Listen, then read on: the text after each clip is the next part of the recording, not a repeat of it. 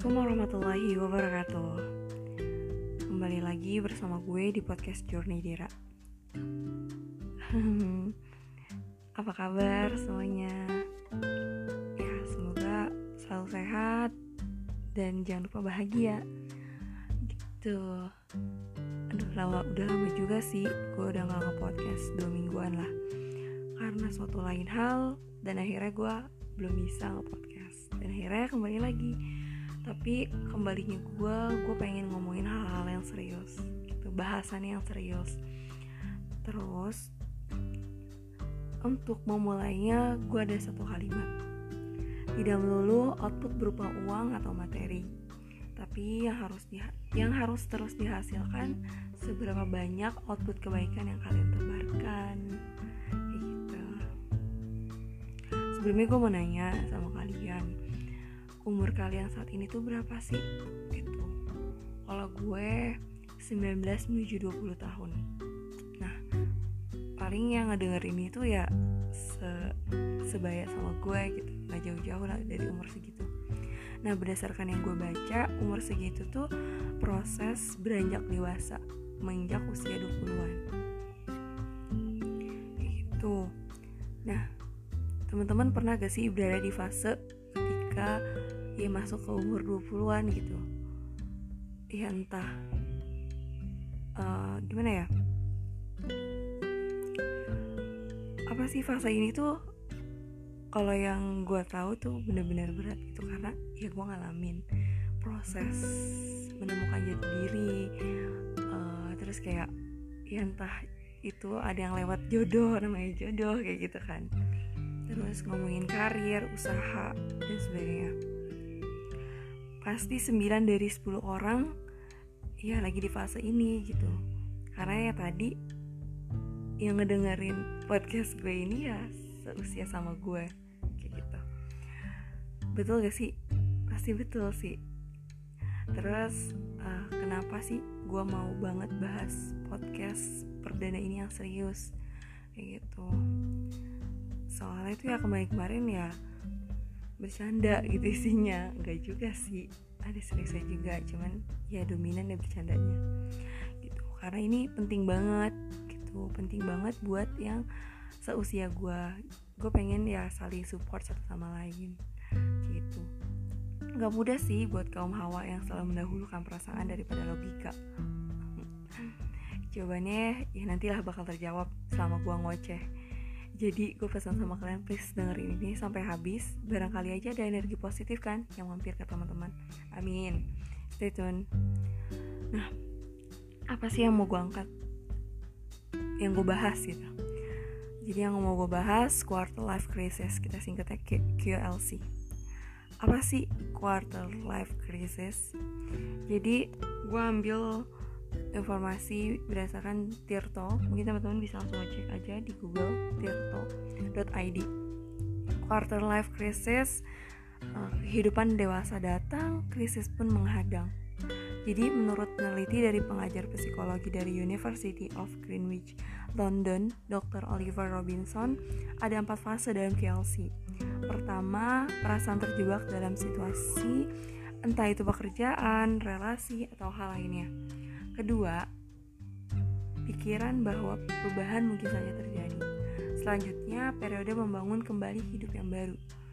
Yang terakhir adalah fase mengukuhkan komitmen antar terkait ketertarikan, aspirasi, dan nilai-nilai yang dipegang seseorang.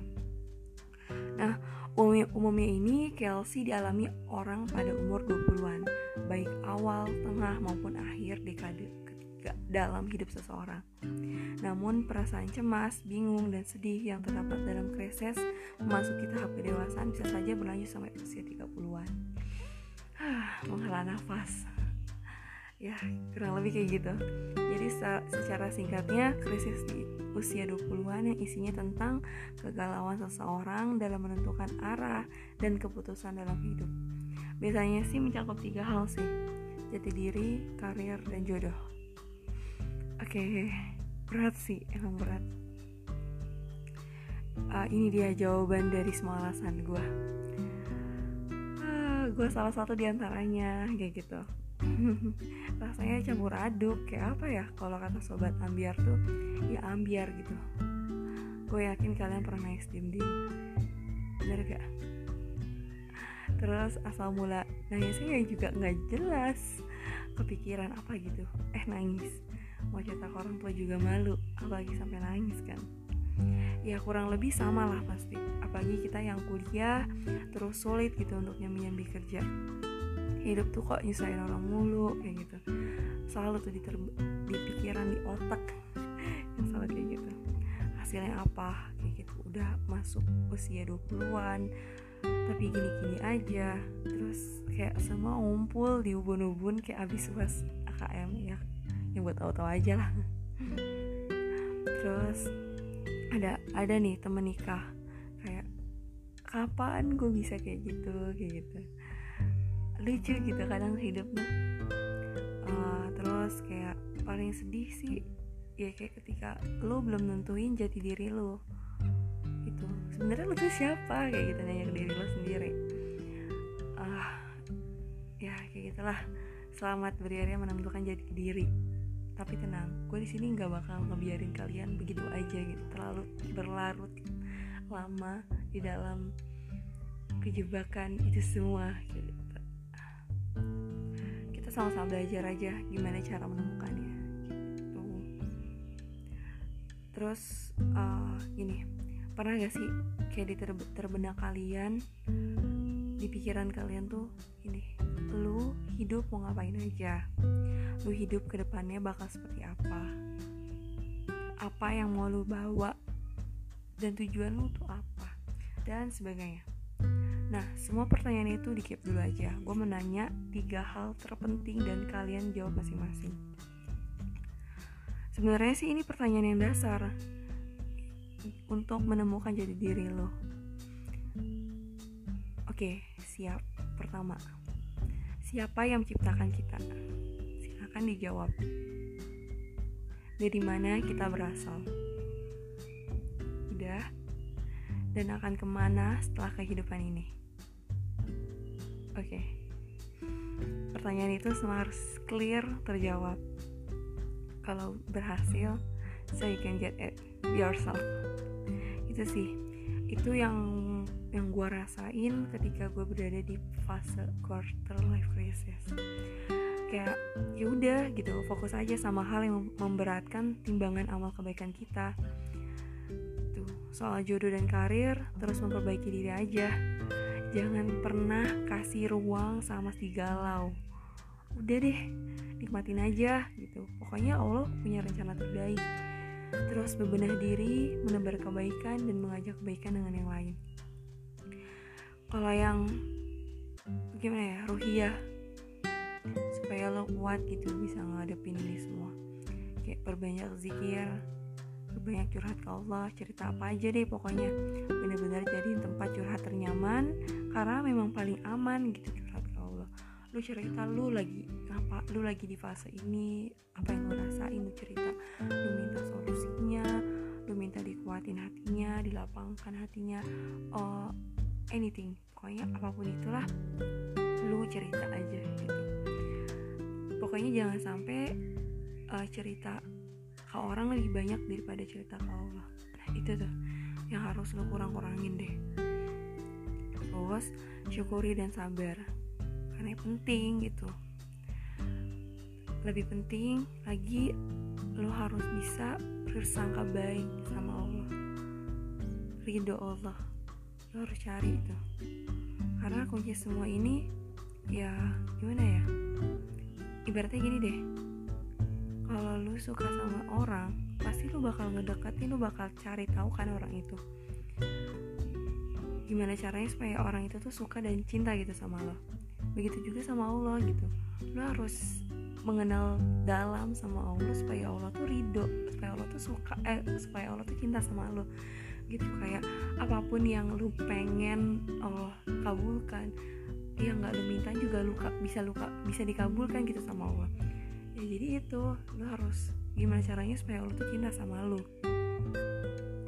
Supaya Allah tuh selalu ada buat lu gitu. Tanpa lu minta juga Allah udah ada buat lu tapi lu aja yang kayak gitu. Nah sedih sih rasanya kalau ada di fase lu. Ya masih apa ya masih ada manusia gitu di atas itu sih yang harus dikoreksi. Terus kayak yang tadi gue bilang harus mengenal Allah gitu dari sifat-sifatnya biar istiqomah. Orang yang nggak kenal ya nggak akan bisa istiqomah. Coba deh lu lakuin itu. Insya Allah nggak ada lagi kesedihan sampai berlarut. Hati tenang dan gak ngerasa khawatir akan problematika kehidupan di dunia. Justru makin semangat buat ngejar target kehidupan akhirat. Surga pencapaian tertinggi kita tuh ridho Allah. Udah sih itu kurang lebih dari ngocehan gue hari ini. Ngomongin tentang 20 tahun yang serius ini ya pokoknya semangat jangan lupa bahagia. Uh, Allah bless you. Pokoknya ya yang terbaik lah minta banyakin doa. Minta aja lah sama Allah apa pun itu. Ya lu nggak minta aja ya Allah Allah masih kasih. Allah masih baik sama lo okay, itu aja bahasan serius dari gua.